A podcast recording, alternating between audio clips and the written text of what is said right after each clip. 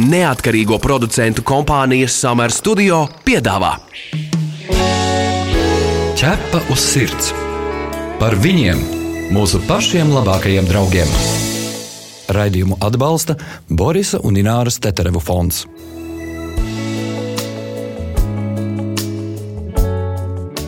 Esiet sveicināti, darbie radioklausītāji! Radījums ķepa uz sirds ir atgriezies no atvaļinājuma. Magnus Eriņš ir šeit.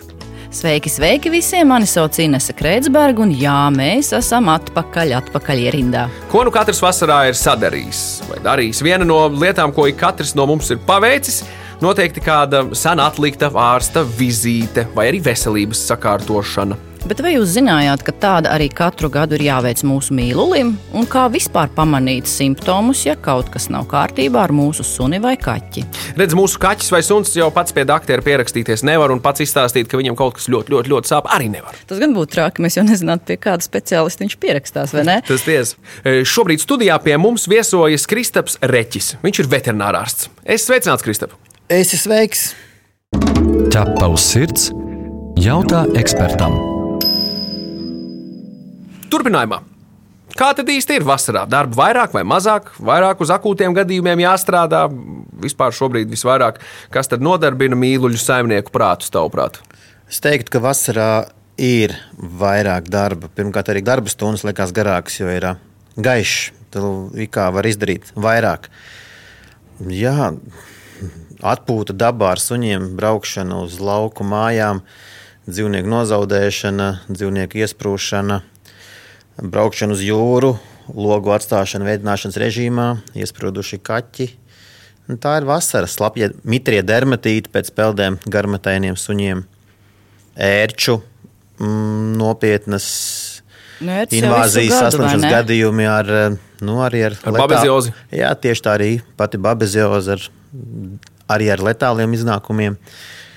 Un kamēr to nav kāds saimnieks piedzīvojis, viņš to līdz tam brīdim nav sapratis. Un pēc tam viņi ļoti labi mentori pārējiem, kuri brīdina, ka nu, tiešām šī slimība ir aktuāla un viņa pastāv. Jo, ja pie babezielas pieķeramies, tā ir slimība, par ko suns nevar izstāstīt. Priekšlaicīgi, kuru parasti mēs redzam nedēļu vai divas nedēļas vēlāk, kad jau ir ļoti smagā fāzē saslimšana. Mēs bieži esam uzsvēruši, ka dzīvnieks nu, nav obligāti jāņem cilvēkam, jo beig beigās tas ir dārgs prieks un arī pienākumi, laiks. Un, mēs zinām, ka to, ar to nevar rēķināties. Un tiem cilvēkiem, kas ar to nevar rēķināties, tiem noteikti neko tādu nevajag. Bet runāsim par tiem cilvēkiem, kuri gribētu māju dzīvnieku, tad ar ko beigās ir jārēķinās, iegādājoties. Nu, piemēram, Nu, suni. Varbūt uh, izdzirdot šos ciparus, uh, kāds pārdomās, un tas beigās būs ļoti labi, jo inflācija arī ir skārusi dzīvnieku preces. Nu, Pirmais jau viņam jāsaprot, eh, cik tas viņa iecerētais šķirnes suns vai šķirnes kaķis maksās. Jā, bet tas ir diemžēl vienīgais, ko tie cilvēki apjēdz. Un tad pēc viņi grib palēto, ja jau uz izstādēm neies. Viņi spēja kaut kā sagramot to iegādes faktu, bet ar to jau nekas nebeidzas. Nu, droši vien būs komentārs ne par tēmu. Tas pats ir uzbūvēt māju pie jūras ar uh, divu hektāru zaļo, zaļo teritoriju.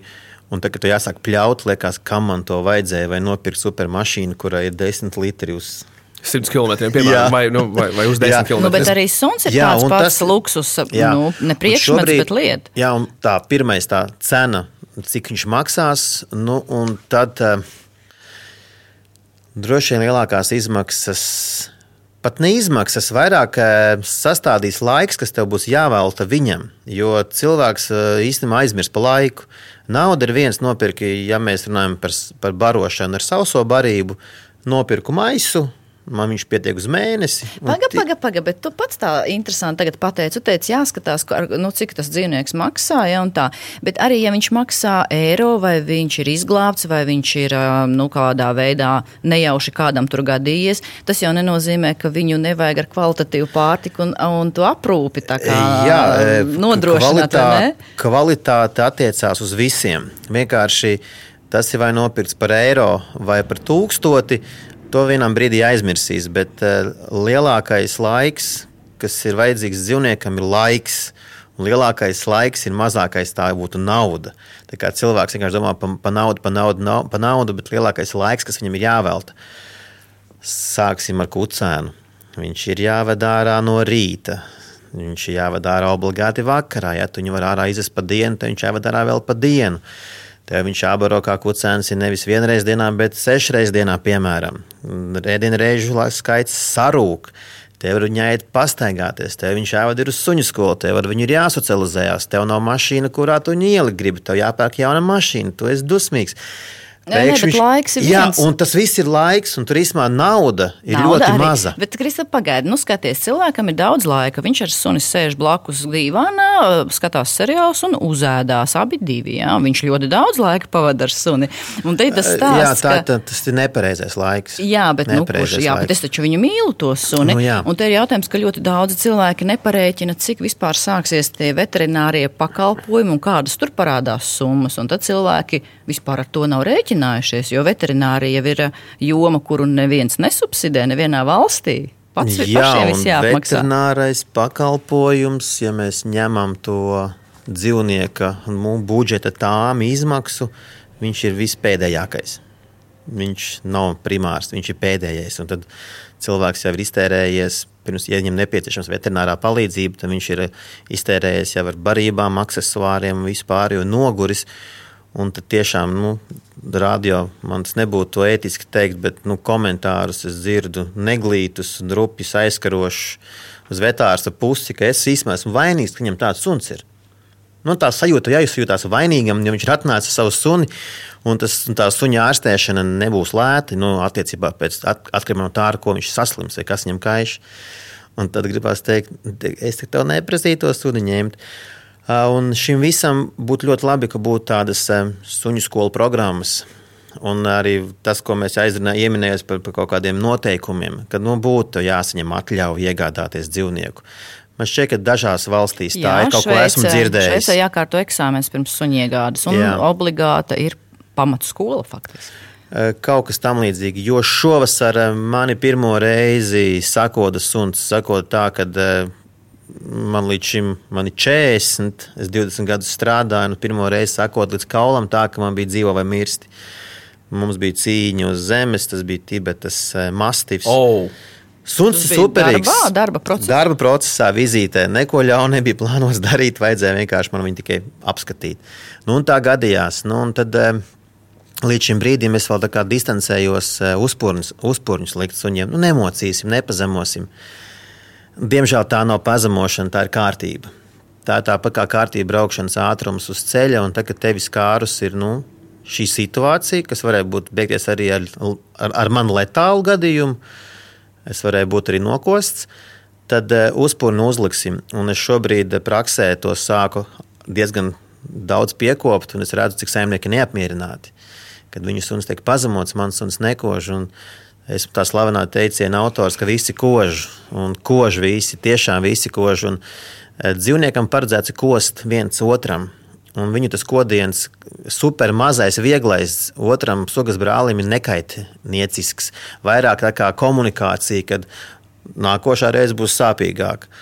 Bet tā mazais, mazais kodiens, ko viņš bija paredzējis sugas brālim, priekš cilvēka, tā jau, tā jau ir brūce. Tā jau ir šuve, pušu stiegras, saites, nervi, asinsvadi un tā. Ķepa uz sirds, suņu būda. Bail nav tagad no suņiem. Es vienmēr esmu baidījies. Oh, oh, oh. Vienkārši mēs ļoti labi mākam slēpt to visu. Tas ir pilnīgi normāli. No visa, e, nevajag baidīties tā, ka ir slēpjas viedri, bet tas ir respekts, ir cieņa. Un es pārkāpu robežas, kuras e, suns man brīdināja. Un te arī nevajag tēlot uh, Mačo un Zorro un Batmanu suns brīdināja mani ļoti maksimāli, bet es uzskatīju, ka nu, esmu cilvēks. Es ar šito gadījumu tikšu galā. E, runājot par slimībām, e, Krista, cik bieži ir ielaistas slimības un kādas? Un biežāk kaķiem vai suņiem? Abiem. Tas slimības dalās. Tad uh, ir vielmaiņas slimības, tas, kas būtu kā piemēram, diabetes, cukurdiabetes kaķiem. Nu, tad eh, tādi kā dermatīti suņiem. Nu, tāds, nu, tad ir kaut kādi ortopēdiskie klibumi, bet um, viņi jau pamanītu, piemēram, par klibumiem, klibumiem runājot, viņi jau pamanīti ir krietni saulēcīgi. Vai kā Ines teica, saimnieks ir uzzinājis izmaksas. Un, ja trāpies pie laba speciālista, un labais speciālists tev izrunājās tik tālu, kad mēs nonākam pie, pie slēdziena, un saimnieks ir stipri vīlies ārstā, jo ārsts norāda, ka nu, šī problēma ir tevis radīta. Dzīvnieks pats nesaslimst. Viņam palīdz saslimt vai veicina saimnieks. Un tā atkal ir laika trūkums un kaut kādā veidā nolikšana no dzīvnieka tās lielās uzmanības. Nu, kā te Ines teici, kopā laiku pavadīt pie televizora. Man patīk, savulaik Kristaps stāstīja, ka cilvēki grib, piemēram, baltu dekoratīvo sunīti, jo redzējuši, kā aristokrātiem tas smuki glaznā sēž, nu, tāds klēpī sapucēts. Nezinot to, ka kalpi taču suni mazgāja, frizēja un tā tālāk. Bet uh, mūsu cilvēks reti, kad var un grib pucēt savu suni katru dienu, un, un tas staigā nolekšķējies. Kādi vēl suņi vai kaķi cieš no nevērīgas saimnieka attieksmes? Mopši, kurus 99% saimnieki pārbaro. Nu, tas mums tāds piemērs, jo mums viena vetārste teica, ka principā viņi nav redzējuši nevienu mopsi Latvijā ar normālu svaru. Jā, es kas... tāpēc domāju, kāda vēl. Nē, Jā. ir tas mīts, ir tas mīts, barot kā uz kaušanu. Nu, viņš ir, viņš ir. Un, Šobrīd ļoti cienu un respektēju tos saimniekus, kuri pāriet uz svaigēšanu. Nu, tas nav tā kā tagad, e, vegānisms un gaļu nēs kaut vai nu, kā cilvēkiem aiziet tādās. E, šo nevajag uz to pusi tendēt. Svaigēšana nozīmē beidzot sunim pareizs uzturs, jo viņš plēsēs. Viņš ir gaļēdājs, visēdājs. Viņš nesēž vilks mežā un ir lauka malā un nepļauj sienas, grau, nu, vārpas, graudus, kuļi, cep maizi un tā. Nē, bet tāda pārbarošana, bet pārbarošana, tas uz suņiem un jā. kaķiem visiem attiecas. Jā, jā, pilnīgi, jo tāpat pārbarošana, jā, tas būs locītev deformācijas, mm, diabēts, aknu aptaukošanās, sirds mazspēja, liekais svars, viņš visi iet kopā. Un to dabūt nost nu, ir ļoti grūti. Ir ļoti grūti. Mēs Cilvēks jau nevar sevi citreiz savest kārtībā. Bet kā tev liekas, kas tas galvenais iemesls mums nu, pat ķepus sirds noslēdzās tievēršanas maratons, un tur mēs konstatējam, ka gan suņiem, eh, gan kaķiem galvenais, eh, tas, tas, tas viltīgākais ienaidnieks bija tas gabaliņš siera, bet katru dienu. Eh, ko tu esi pamanījis, kas tas galvenais iemesls? Milzīgas porcijas, barošana no galda, kā, kā uzbarojas tie jūsu nu, klienti? Tad es izstāstīšu savu piemēru. Man, es dzīvoju kopā ar savu sievas māti, mums ir suns, jeb sievas mātei suns. Un kā normāliem veterinārārstu ģimenē, suns ir liekos svaru. Tā gadās, jo dzīvojam kopā ar sievas māti.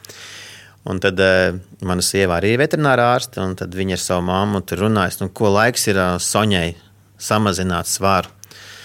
Nu, protams, ka, uh, lai to visu dabūtu skaisti lejā un suns būtu veselīgs, tā būtu pareiza sugai atbilstoša uzturs. Tā būtu gaļa, tie būtu salāti, nu, var teikt, olbaltums. Eh, aizmirst par sauso barību, lai arī cik viņa būtu kāda firma labi izstrādājusi, bet tas nav dzīvnieku ēdiens, tas ir ātrais uzkodas veids, fast foods, slinkiem saimniekiem iebēru.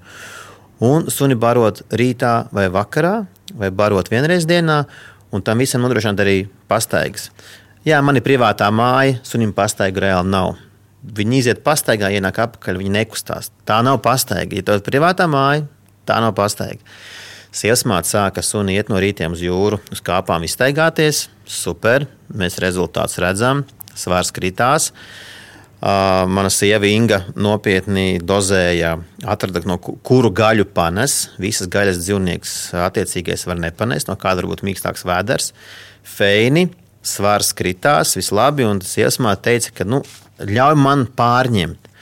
Mēs viņai uzticējāmies, Bet tur aizgāja porcija, palika lielāka, lielāka, jo viņa zina, ka šī ir mamma barotāja. Kaut ko gatavojam, nometam vienu šķēlīti lejā, otru šķēlīti lejā, kas ir no ēdiena, tas pats sēriņš, dēsa maizīte. Nu, un tad tu vari barot super pareizi, iet daudz staigāt, bet ja to visu laiku fonā liekas uzkodas un Jo organisms nesaprot, ka viņš tagad ēd, gremo, guļ, būs atkal nākošā maltīte. Viņš visu laiku lādējās, visu laiku lādējās, visu laiku lādējās. Gluži kā cilvēkiem. Nu, tur vienkārši fitnesa terapija vai kurs, suns un cilvēks ir viens un tas pats. Tu esi mans draugs, ķepus sirds. Atgādinām, ka pie mums studijā šodien ir veterinārārsts Kristaps Reķis, un mēs diskutējam par to, kāpēc daudzas slimības tiek ielaistas, kas slimo biežāk šķirnes vai bezšķirnes dzīvnieki, un vai iedzīvotāji sākuši ietaupīt uz mīluļu veselību. Šo radio pārraidi varēsiet dzirdēt arī podkāstu formā, populārākajos straumēšanas servisos, kā arī Latvijas radio mājaslapā, arhīvu sadaļā. Mūrāģam ķepa uz sirds! Krista, pastāsti par to, kas aktuāls būs rudenī suņiem un kaķiem, jo daudzi jautā par vakcinācijas blaknēm un alerģisku reakciju pēc potes.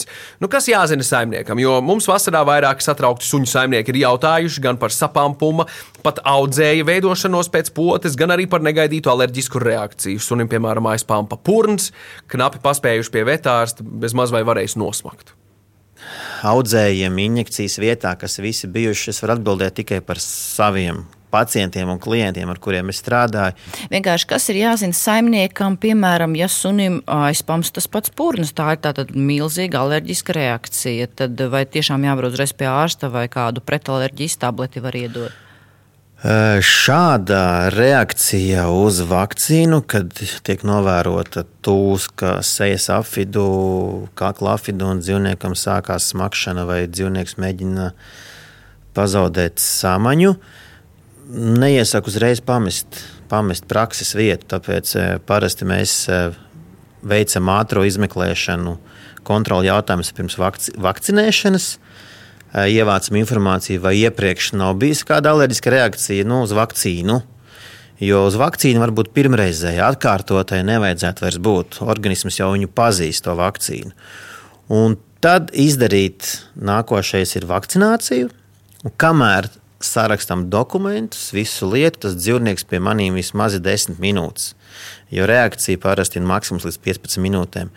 Ja kaut kas atgadījās pēc pusstundas, stundas, nu, grūti man teikt, ka tas varētu būt vakcīnas anafilaktisks šoks. Zvans vetārstam tad uzreiz. Obligāti griežties riņķī, brauciet pie ārsta. Tur nevajag tad, filozofēt un braukt tālāk, ar domu, ka pāriesim kā tavagī liedosim. Mm. Par to duršanas vietu, nu, tas gan ir lasīts daudz, kur šobrīd um, vetārsti piekopja tādu praksi, ka tiek durts nevis kaustā kā parasti, bet nu, citās vietās. Jā, um, ir apvidi, kuri dzīvniekiem ir sāpīgāki, kuros viņi mazāk jūt šo injekciju. Ir dzīvnieki, kuriem nav variantu, kur trāpīsim, tur trāpīsim. Protams, ka nepieklājīgi, bet dzīvnieks ir tik dzīvīgs vai tik bailīgs un kļūst agresīvs, ka mums svarīgi noturēt un, un, un, un veikt injekciju zemādā vai, nu, ļaunākā gadījumā, muskulī, kas var būt tikai sāpīgāk. Jā, ir Ir apraksti par to, ka no vakcīnām var veidoties mezgliņi zemādā, var veidoties jaunveidojumi un viņi var progresēt. Un tāpēc jau jūs ejat pie viena veterinārā ārsta vakcinēties. Jūs nestaigājat riņķī, jūs esat izvēlējušies savu ģimenes ārstu, kurš jau to kaķi suni pazīst. Un jūs varat ar ārstu viegli par šo jautājumu komunicēt. Un, ja tur ir parādījies mezgliņš, nevajag uzreiz skriet, pierakstamies vizītē, Vai vairāk dzīvnieki ģimenē, vai tam ir kāds pluss viņu veselībai, Kristap? Daudz runā, ka, ja divi kaķi vai divi suņi, nevis viens, tad dzīvnieki ir veselīgāki. Tam ir kāds apliecinājums, vai tomēr uh, nav? Jo viens varbūt nozīmē vientuļš un depresija var radīt slimību. Pilnīgi, pilnīgi tev piekrītu. Jo vairāk dzīvnieki, jo viņiem labāk. Un vientulība, nu, vien, vientuļš neviens nav laimīgs arī vientuļš cilvēks, viņš nav laimīgs, viņš māca pasmaidīt, lai viņam liek mieru. Man iezad jautājumu, ko tik bēdīgs. Man pašam ir divi kaķi. Ideāli. Un tiem, kam ir divi dzīvnieki, viņi var pateikt, ka viens ir plus, viens ir mīnus. Viens ir īņķis, viens ir jāņa, viens taisa blēņas, otrs stučī. Viens ēd mazāk, otrs vairāk. Jā, bet divi kaķi ir vieglāki. Jā, bet tas ir tā jau gauma. Ir. Vai nu tev patīk moči, vai tev patīk mašīna. Un tāpēc ir vieni kaķinieki, vieni suņinieki. Jā, jā, bet ja suns, um, nu, iedomājies, tagad cilvēks domā, divus suņus man jau viens ir, bet kā viņam pateikt, ka divi būtu labāki par vienu? Es to vairs nekautrējos teikt. Es visiem saku, saku ja jums ir iespēja, jums ir uh, privāta māja, un jūs esat aktīvi, kuri tiešām dzīvo savu brīvo laiku kopā ar savu dzīvnieku, iet dabā eh, viņš ir socializēts un viņš ir normāls sabiedrības loceklis. Nu, divi dzīvnieki, nu, arī viņiem ir sava sarunu valoda, viņiem ir sava komunikācija. Tā kā tu klāt neesi, tas suns kaut ko dara. Nu, viņi pabakstās, paostās, paspēlējās, pataisa blēņas. Nu, depresijā Magnusam bija ļoti laba frāze, depresija. Dzīvnieki arī depresijā dzīvo. Nu, kā tagad, kad Covid gada ap, kad mums aizsūtīja visus sēdēt. Nekur Dzīvnieki bija šokēti, ko tad visi mājās dara.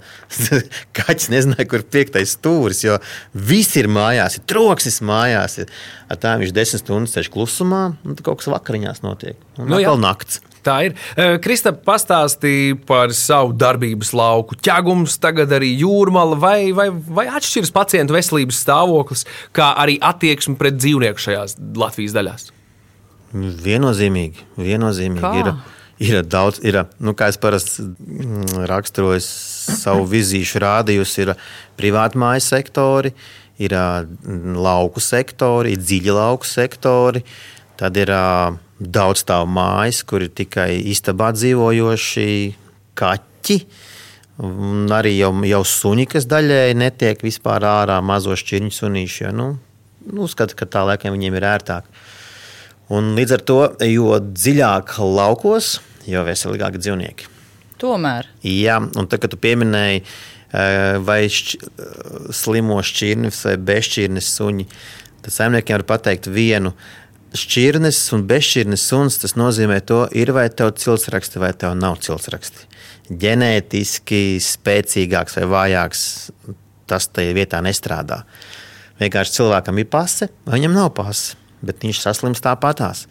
Un, e, daži domā, ka bezšķirnes dzīvnieki ir tā kā, nu, mutantiņi, viņi ir stiprāki, un tie šķirnes dzīvnieki ir izselekcionēti un vājāki. Tur visam ir klātiet gēns, kas nāk viņam līdzi ģenētiski. Un, ja viņš nāk no stipriem vecākiem ar dokumentiem, viņš būs stiprs. Ja nāk no stipriem vecākiem bez dokumentiem, viņš arī būs stiprs. Bet runājot par vasaru un kaķiem, iekštelpās, ār, ār, ārtelpās ļoti daudziem, kam ir privāti mājas, nu, viņiem liekas neloģiski kaķi turēt iekšā.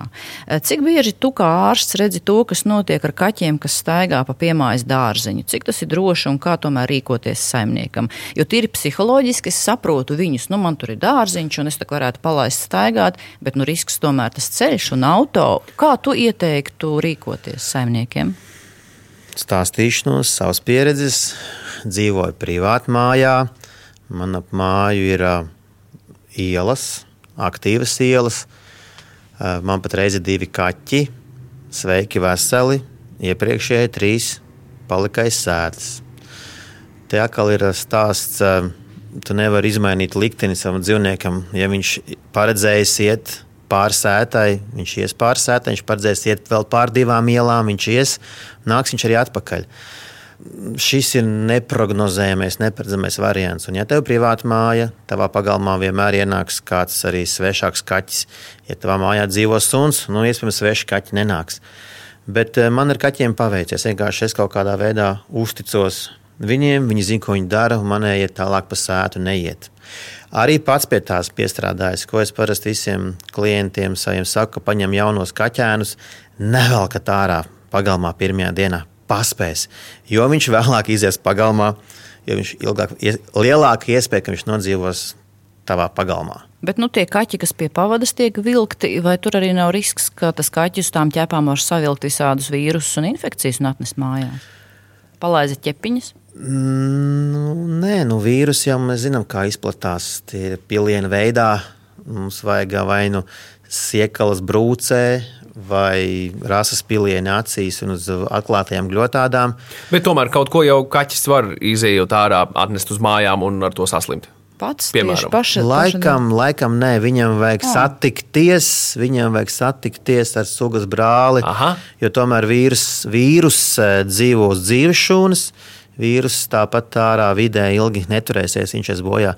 Parasti jau šie te, mm, ir kaķiem diezgan spēcīgas ir vīrusu saslimšanas.